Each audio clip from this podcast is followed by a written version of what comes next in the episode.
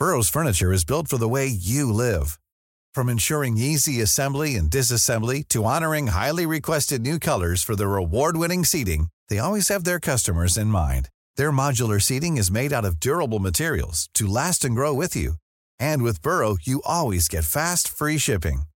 Get up to 60% off during Burrow's Memorial Day sale at burrow.com slash ACAST. That's burrow.com slash ACAST. burrow.com slash ACAST. Planning for your next trip? Elevate your travel style with Quince. Quince has all the jet-setting essentials you'll want for your next getaway, like European linen, premium luggage options, buttery soft Italian leather bags, and so much more. And is all priced at 50 to 80% less than similar brands. Plus, Quince only works with factories that use safe and ethical manufacturing practices. Pack your bags with high-quality essentials you'll be wearing for vacations to come with Quince. Go to quince.com/pack for free shipping and 365-day returns. There's never been a faster or easier way to start your weight loss journey than with PlushCare. PlushCare accepts most insurance plans and gives you online access to board-certified physicians who can prescribe FDA-approved weight loss medications like Wigovi and Zepbound for those who qualify. Take charge of your health and speak with a board-certified physician about a weight loss plan that's right for you. Get started today at plushcare.com slash weight loss. That's plushcare.com slash weightloss. plushcare.com slash weightloss. Helt siden de første menneskene slo seg ned i Trøndelag, har det blitt observert underlige lys over Hessdalen. Fenomenet har blitt forsøkt bortforklart som syner sett av bygdetullinger og deliriske hallusinasjoner forårsaket av den lokale drikkekulturen. Men det skulle vise seg at fenomenet stakk langt dypere, når Hessdalen-fenomenet fikk verdensomspennende oppmerksomhet i ufo-miljøet på 1980-tallet. Fenomenet er fremdeles der, og det er fremdeles like uforklarlig som den gang. I 2024 kommer en podkastserie i seks deler, produsert av Project Hessdalen, som kanskje en gang for alle skal finne svar på hva som rører seg på himmelen i denne bortgjemte dalen i Trøndelag. Serien har som seg hør og bør fått tittelen A Blaze in the Northern Sky, og den kommer til din favorittpodkastavspiller i 2024.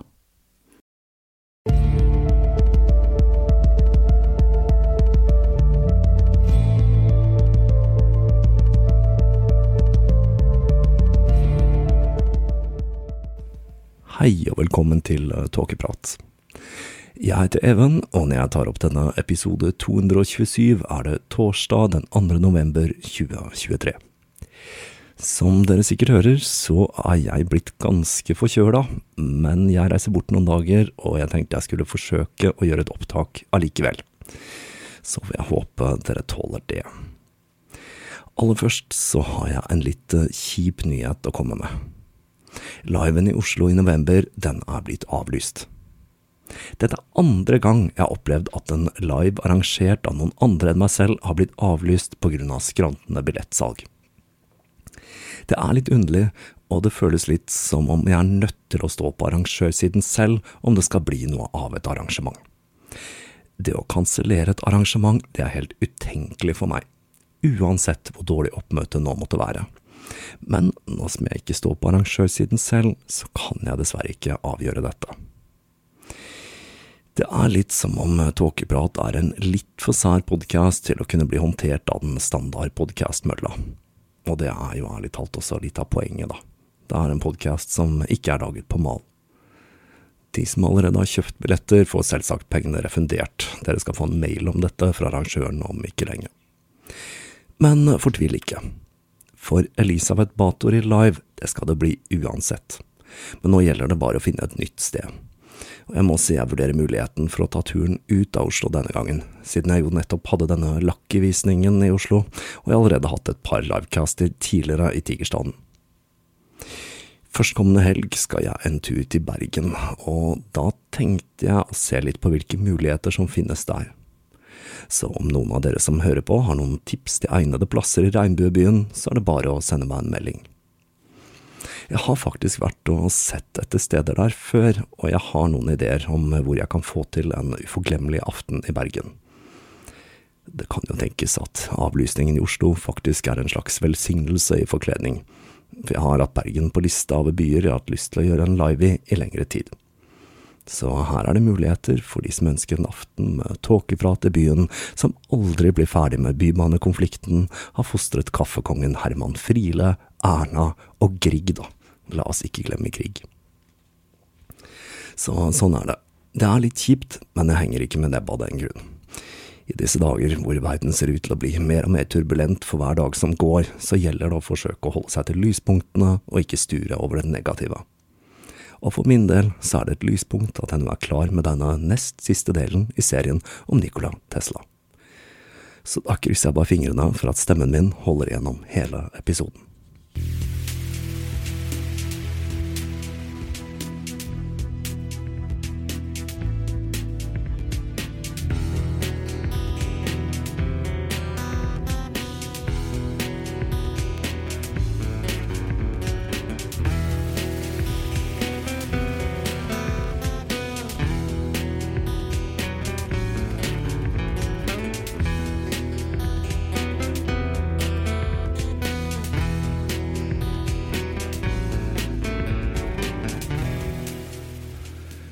Tesla var bitter.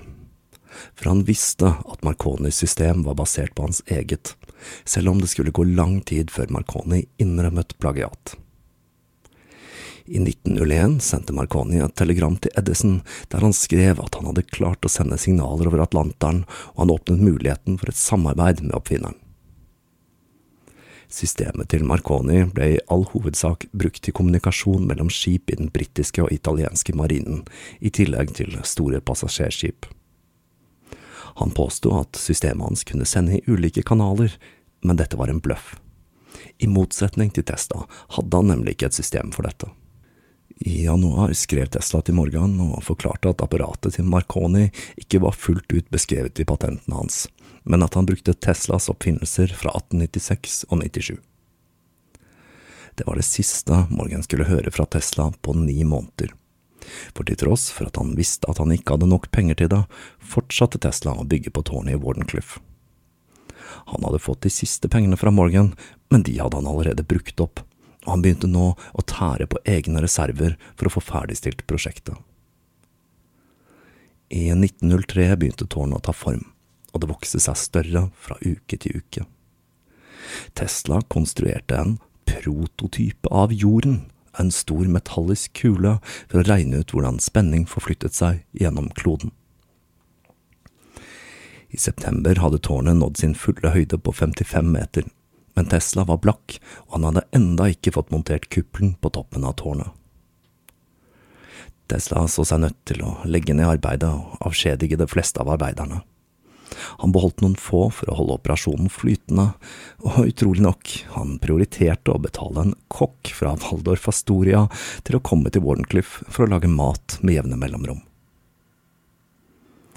I denne perioden kom Marconi på besøk for å ta Teslas nye verk i øyesyn. Og etter Tesla hadde snakket med ham, fikk han ny selvtillit, for det var åpenbart at han var lysår foran Marconi og han bestemte seg for å forsøke å få Morgan til å spytte inn mer i systemet, så han fikk realisert drømmen sin. Han skrev et brev der han forklarte at han hadde sett seg nødt til å øke styrken på apparatet på grunn av at patentene hans hadde blitt piratkopiert. Videre skrev han at han med tårnet han holdt på å konstruere, kunne sende signaler til alle steder på jorden.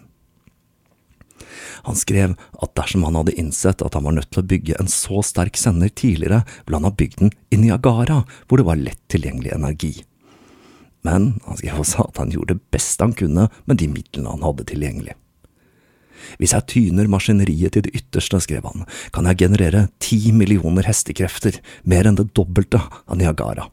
Dette vil være den største spontane manifestasjonen av energi på jorden. Igjen ble Morgan helt månefallen. Ikke bare innrømmer Tesla å ha brutt kontrakten for å ta innersvingen på Marconi, men det var også åpenbart at planen hans hadde en stor feil.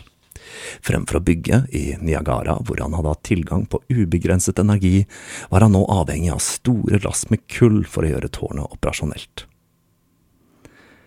Til tross for dette, og kanskje fordi Tesla senere skrev et litt mer beskjedent brev, der han bekreftet at han kunne sende enkle beskjeder fra Wardenclyffe til Europa, fikk Tesla en audiens med Morgan.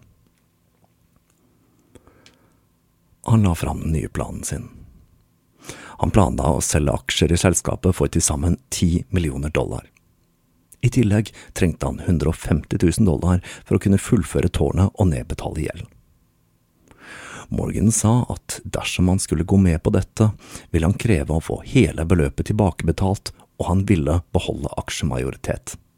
I tillegg kom han ikke til å hjelpe til med å finne investorer, og han ville at hans rolle i det hele skulle forbli hemmelig.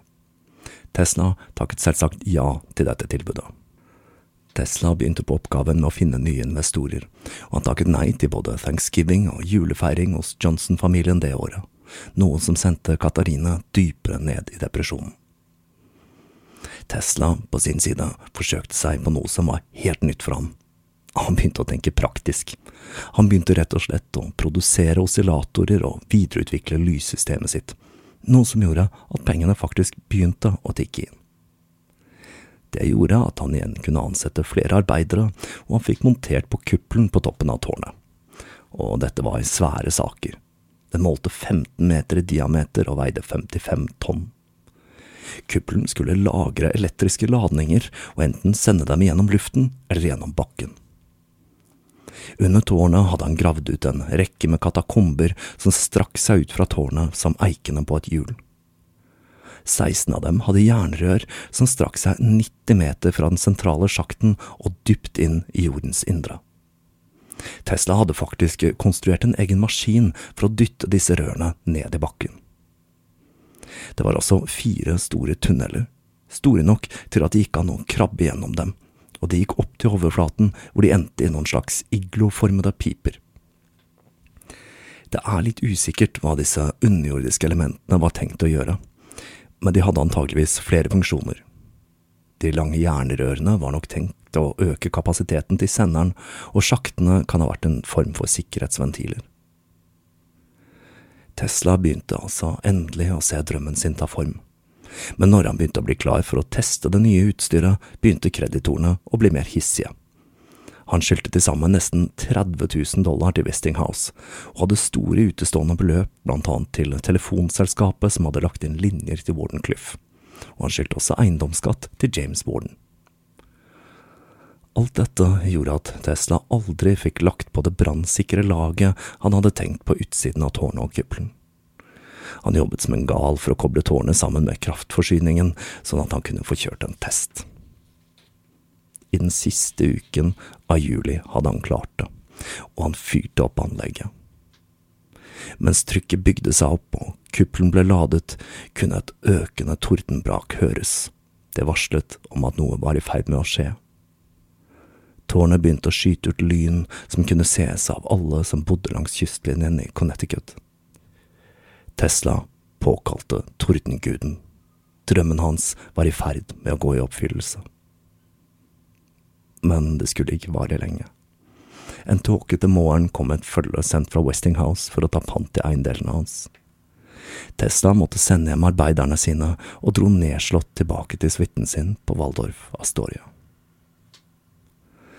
Etter å ha tenkt seg litt om, bestemte han seg for å gi opp å finne små investorer til prosjektet han rampet heller opp produksjonen av oscillatorer og siktet seg inn på å finne flere finansmoguler til å støtte det. Han fikk et innskudd med penger fra familien i Serbia, og med det fikk han muligheten til å ta tilbake noen av arbeiderne ved Wardenclyffe. Men til tross for det så sto arbeidet så å si stille. Den første Tesla forsøkte å få med på laget, var John Jacob Astor han vi husker som den andre partneren i belysningsselskapet til Tesla. Men han hadde andre ting å pusle med, og han sa at han ikke ønsket å være med på det nye prosjektet, men ønsket Tesla lykke til videre. Men eh, Tesla ga ikke opp av den grunn. For å tiltrekke seg flere investorer lagde han en luksusbrosjyr i vellum, vil si pergament eller ekstremt eksklusivt papir. Den inneholdt blant annet trykk av anlegget Colorado og Wardenclyffe, en liste over patentene hans, samt hva vi må kunne kalle en stillingsannonse, der han skrev at han kunne leies som konsulent. Denne Crowley-kvalitet-brosjyren vi husker jo at Alistair Crowley brukte betydelig mengde penger på å gjøre trykksakene sine så eksklusive som mulig, sendte han til diverse kakser som Rockefeller og Harriman. I oktober 1903 møtte han Thomas Fortune Ryan. Denne aksjemegleren het egentlig Faulkner til mellomnavn, men etter han hadde gjort det skarpt Wall Street, så skiftet han også navn til Fortune.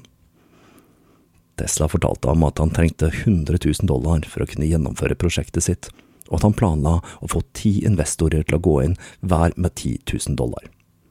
Ryan så gjennom den eksklusive brosjyren til Tesla og spurte hvorfor vil du involvere så mange folk, jeg tar en fjerdedel, hvor skal jeg signere?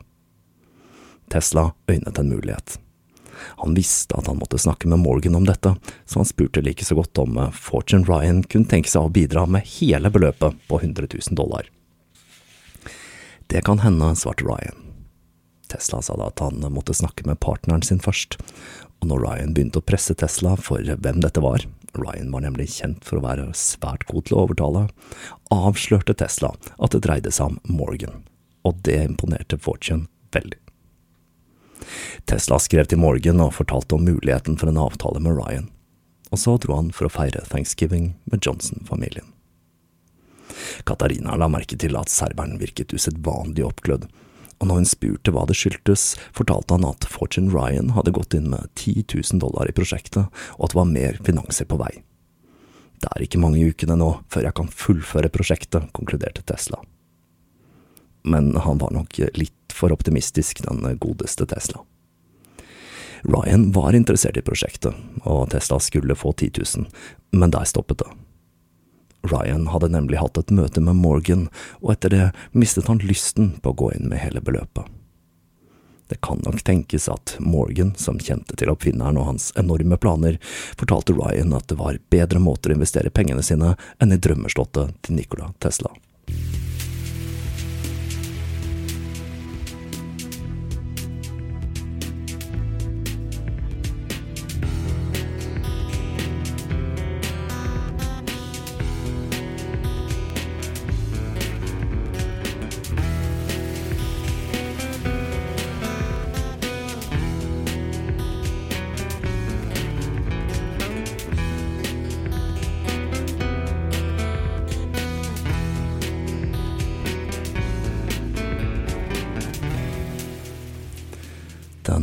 Samme måneden begynte Morgan aktivt å motarbeide Tesla. Han var nemlig imot Teslas overordnede plan om gratis trådløs energi, og det var flere andre på Wall Street som også så på finneren som en potensiell trussel. Finansmannen Bernard Baruch sa det rett ut til Morgan.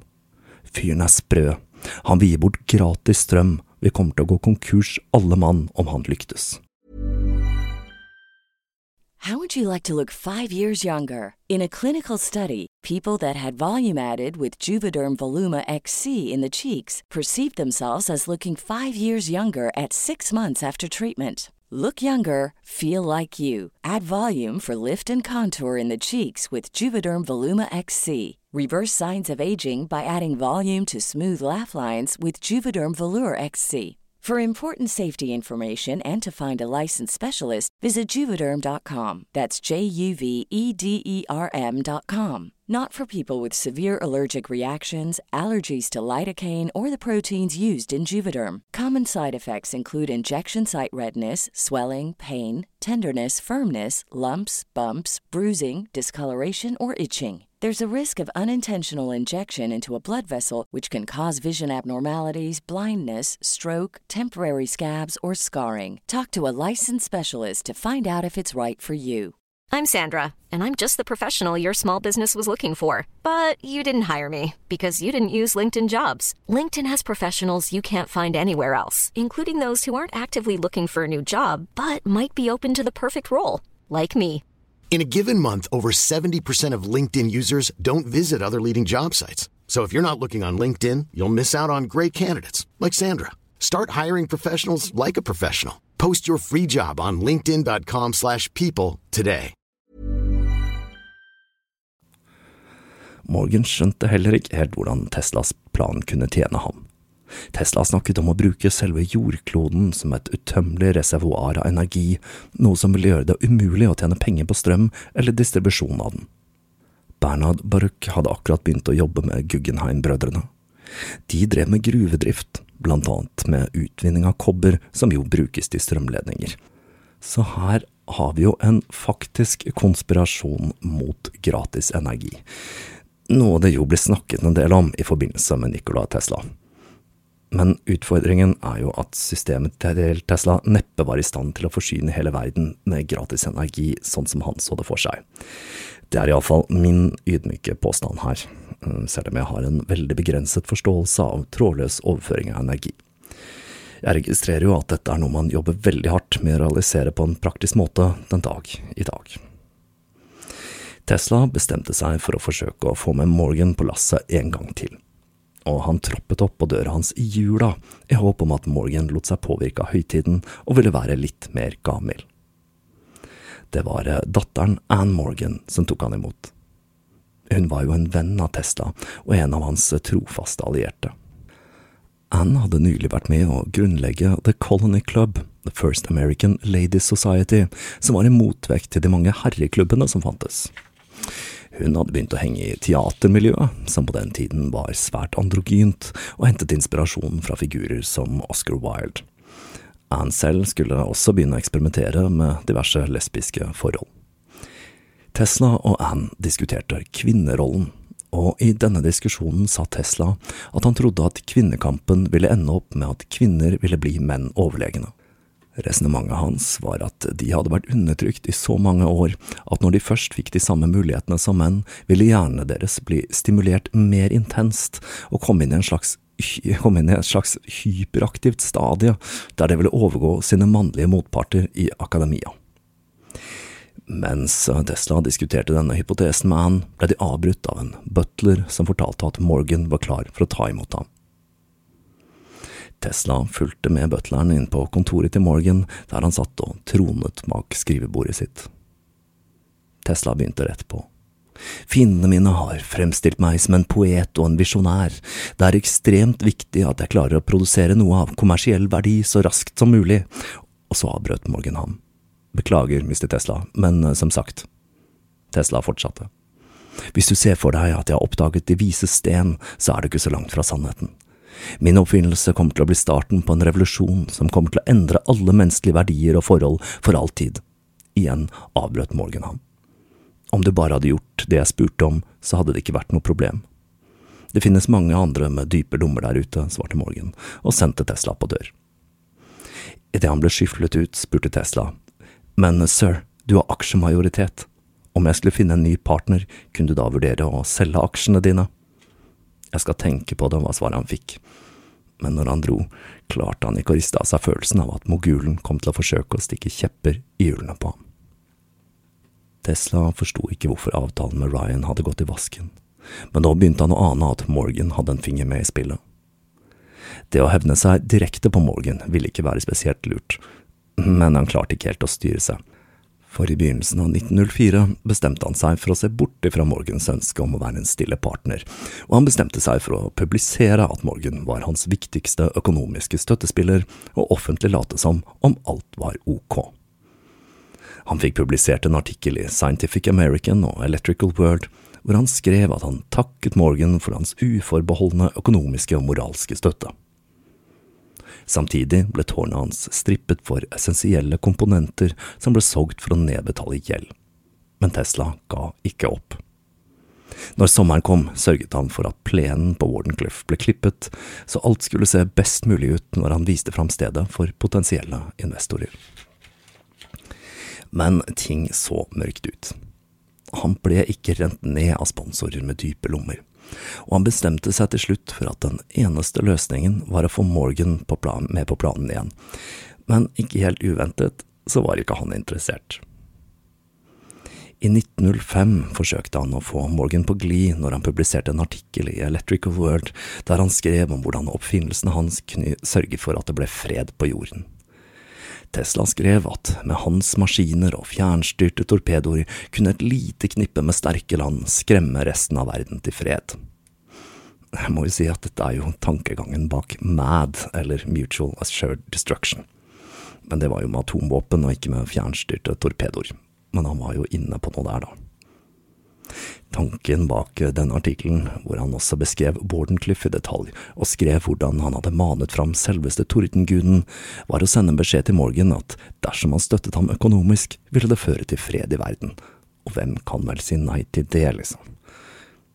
Men til tross for denne artikkelen og brev til Morgan der han beskrev hvordan oppfinnelsene ville gi menneskeheten århundrer i framskritt over natten, forble finansmannen stille, og Tesla slet mer og mer økonomisk. På denne tiden ble han også saksøkt av en av arbeiderne hans for uteblitt lønn. Året etter døde Stanford White av tuberkulose. Arkitekten hadde ikke bare tegnet Wardenclyffe, men han sto også bak andre kjente landemerker, som Madison Square Garden, kraftverket i Niagara og påbygget til Det hvite hus. Det var få som kom i begravelsen hans, hvor Tesla var en av de få frammøtte, for Stanford White, han hadde blitt beskyldt for å ha voldtatt en 16 år gammel jente. Så der har dere den, litt nisjekunnskap om mannen som sto bak Madison Square Garden. Tesna begynte å rakne. I notatene fra denne tiden er håndskriften hans nesten uleselig, noe som kan tyde på at han hadde et nervøst sammenbrudd. Det gjorde også at disse særhetene hans ble mer og mer fremtredende. Han sluttet nesten å spise, og han tok til seg en due han hadde funnet utenfor biblioteket i New York. I 1907 bestemte han seg for å forsøke å komme tilbake til samfunnet. Han begynte å ta toget til Wardenclyffe om kvelden, og der begynte han å gi seg selv støt i hodet, og denne elektrisiteten ser ut til å ha hjulpet. For etter en periode med denne behandlingen begynte han å forsøke å komme seg ut av gjeldsspiralen han hadde kjørt seg fast i. Han skyldte blant annet Waldorf Astoria leie for tre år, så han tok opp lån for å nedbetale gjelda, så han fortsatt kunne bo i den luksusen han var blitt vant til. Og så begynte børsen å vakle igjen. Denne gangen var det en rival av Guggenheim-syndikatet som begynte å dumpe kobberaksjer. Det førte til panikk, og folk begynte å ta ut sparepengene sine i frykt for en kollaps. Testa jobbet seg ut av depresjonen sin ved å skrive flere artikler for tidsskrifter og aviser, med et håp om at noen ville se det geniale i arbeidet hans og komme han til unnsetning finansielt. Stemmen hans hadde endret seg. Artikkelen han skrev hadde en annen tone enn det de hadde hatt tidligere. Han virket irritert, trassig og indignert over at ingen ville støtte arbeidet hans med å redde menneskeheten og planeten. Tesla elsket å ta T-banen og en dag han tok den, kom en ung mann bort til ham og spurte om han var selveste Nikola Tesla. Når det viste seg at han var det, presenterte den unge mannen seg som Jack O'Neill, og han sa at han hadde en rekke spørsmål til Tesla om arbeidet hans. O'Neill fortalte at han var på vei for å søke en jobb i biblioteket, og Tesla foreslo at de kunne ta følge, og at O'Neill kunne hjelpe til med å undersøke historien til noen av patentene Tesla jobbet med. O'Neill skulle senere jobbe for Herald Tribune, og skulle også vinne en Pulitzer-pris for arbeidet sitt. Tesla fortsatte å jobbe med oppfinnelsene sine, og han designet blant annet en flymaskin som fikk energien den trengte til å fly trådløst, og en bladløs miniturbin som kunne erstatte forbrenningsmotoren. Men det var Wardenclyffe som var hjertebarnet hans, for han innså at han aldri ville føle seg hel før den drømmen var blitt realisert. Men mens Tesla hadde jobbet med å finansiere drømmen sin, hadde andre begynt å ta plassen hans. Luftskip og fly var blitt dagligdags. Nye belysningssystemer hadde kommet på markedet, og trådløse sendere dukket opp både i USA og Europa. I januar 1908 monterte franskmennene en sender på toppen av Eiffeltårnet, slik at de kunne sende meldinger til Marokko. Og året før hadde stemmen til operasangeren Enrico Caruso blitt kringkastet til de som hadde mottakerutstyr. Selv om det var flere som hadde kastet seg inn i det trådløse kappløpet, blant annet Leedy Forest, som forutså at nyheter og reklame snart kunne sendes ut i de tusen hjem ved hjelp av den trådløse telefonen, var det fremdeles Marconi som var den store helten når det gjaldt trådløs overføring av informasjon. Det er jo for øvrig litt fascinerende at reklamebransjen allerede var påtenkt på denne tiden. I 1912 jobbet Tesla med et prosjekt ved en av de offentlige skolene i New York. Hør på denne, dere. En svensk studie hadde nemlig vist at dersom barn ble utsatt for strøm når de ble undervist, tok de til seg mer informasjon. Denne svenske studien, hvor 50 psykisk utviklingshemmede barn hadde blitt utsatt for spenning for bedre læring, virket lovende nok til at rektoren ved skolen i New York ville forsøke dette på egne elever, og han hadde bedt Testa om hjelp. Denne studien hadde vel neppe blitt gjennomført i dag, men hvem vet, kanskje det hjelper med strøm for bedre læring. Mens eh, Tesla puslet med å elektrifisere klasserommet, skjedde en tragedie som skulle prege hele verden. Den 15. april 1912 sank Titanic, og mer enn 1500 mennesker mistet livet. Ulykken førte til at det ble påbudt med trådløse sender i alle skip som hadde 50 eller flere passasjerer, og den 21-årige David Sarnoff, som var den første som mottok nødsignalet fra Titanic, ble hyllet som en helt. Tesla forsøkte å saksøke Marconi i de landene der han mente at patentene hans hadde blitt kopiert. Han vant fram i Frankrike, men han ble også selv saksøkt, blant annet av Westinghouse for utstyret han ikke hadde betalt for. Og Testa valgte å trekke seg tilbake til suiten og duen sin på Waldorf Astoria, hvor han levde en stille tilværelse mens gjelden hopet seg opp. Marconis største rival var det tyske telekommunikasjonsselskapet Telefunken. De hadde kjempet mot Marconi med nebb og klør i hjemlandet, og var en klar nummer to på verdensbasis. Telefunken anerkjente Tesla som opphavsmannen til trådløs kommunikasjon, og sjefen for det amerikanske holdingselskapet til Telefunken tok kontakt med serberen for å høre om han var interessert i å låne ut ekspertisen sin. Det var han mot en god månedslønn, og slik hadde det seg at Tesla hjalp tyskerne med å bygge ut sitt trådløse kommunikasjonsnett i 1913, året før verden skulle bryte ut i krig. Så døde John Jacob Astor og etterlot seg 500 aksjer i selskapet til Tesla. Og ganske nøyaktig ett år etter døde kongen av Wall Street, J. Pierpoint Morgan. Tesla var i begravelsen hans, hvor han uttrykte sin dypeste kondolanse til Ann og JP Morgan jr. To måneder etter Morgan ble gravlagt, troppet Tesla på kontoret til det nye overhodet i familien, Morgan jr., med et forslag om et samarbeid om hans nyeste oppfinnelse, den bladløse turbinen. Tesla lovte at den nye oppfinnelsen kunne innbringe opp mot en milliard dollar om den ble satt i produksjon. Morgan var interessert, og han ga Tesla et forskudd på 5000 dollar. Den 7. juli 1913 dro oppfinneren tilbake til Wardenclyffe for å hente noen av eiendelene sine. Han forsøkte å ikke se opp på tårnet, men han klarte ikke å la være, og han kjente tårene presse på. Drømmen hans var i ferd med å forfalle. Tesla bestemte seg for å forsøke å få den nye Morgan til å støtte prosjektet hans, men han var ikke interessert i å gå videre med dette, selv om Tesla prøvde det beste han kunne å overtale ham, så han så seg nødt til å bare fortsette arbeidet med den nye turbinen. I september hadde han flere prototyper klare, og han var snart i gang med produksjon av den ferdige modellen. Men det skulle etter hvert vise seg at den hadde noen mangler og trengte en rekke utbedringer, noe Tesla ikke hadde råd til, og han måtte igjen spørre Morgan om mer penger. Mens Tesla forsøkte å perfeksjonere turbinen sin, kom det nye året, 1914. Det året skulle George Westinghouse falle bort, og med det var en del av historien om Tesla også over. Etter dette året skulle verden aldri bli den samme igjen, når man for første gang ble eksponert for mekanisert krigføring. Nye våpen ble introdusert, som gass, en historie jeg har tatt for meg i detalj her i Tåkeprat tidligere.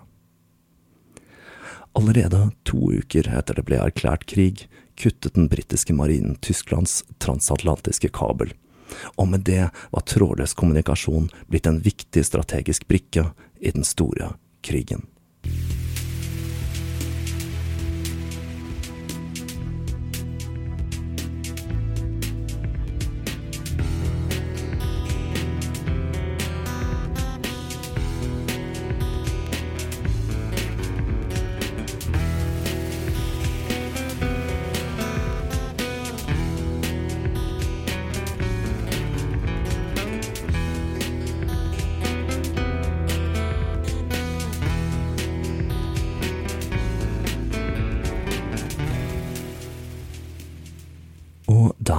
Avslutter vi denne nest siste delen i historien om Nicola Testa.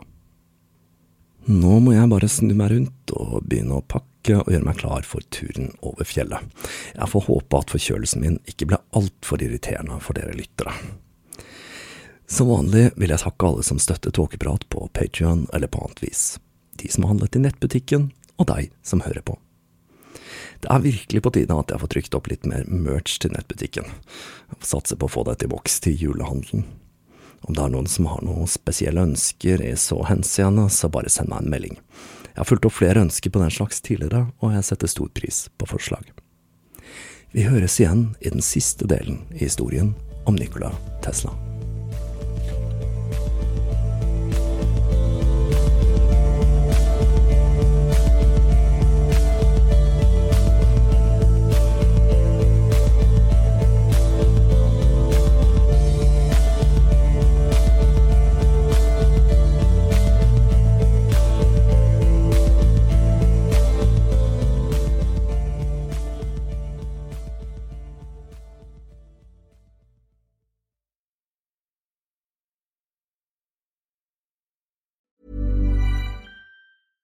Normally, being a little extra can be a bit much, but when it comes to healthcare, it pays to be extra. And United Healthcare makes it easy with Health Protector Guard fixed indemnity insurance plans. Underwritten by Golden Rule Insurance Company, they supplement your primary plan, helping you manage out of pocket costs without the usual requirements and restrictions like deductibles and enrollment periods. So when it comes to covering your medical bills, you can feel good about being a little extra. Visit uh1.com to find the Health Protector Guard plan for you. Hi, I'm Daniel, founder of Pretty Litter. Cats and cat owners deserve better than any old fashioned litter. That's why I teamed up with scientists and veterinarians to create Pretty Litter. Its innovative crystal formula has superior odor control and weighs up to 80% less than clay litter. Pretty Litter even monitors health by changing colors to help detect early signs of potential illness. It's the world's smartest kitty litter.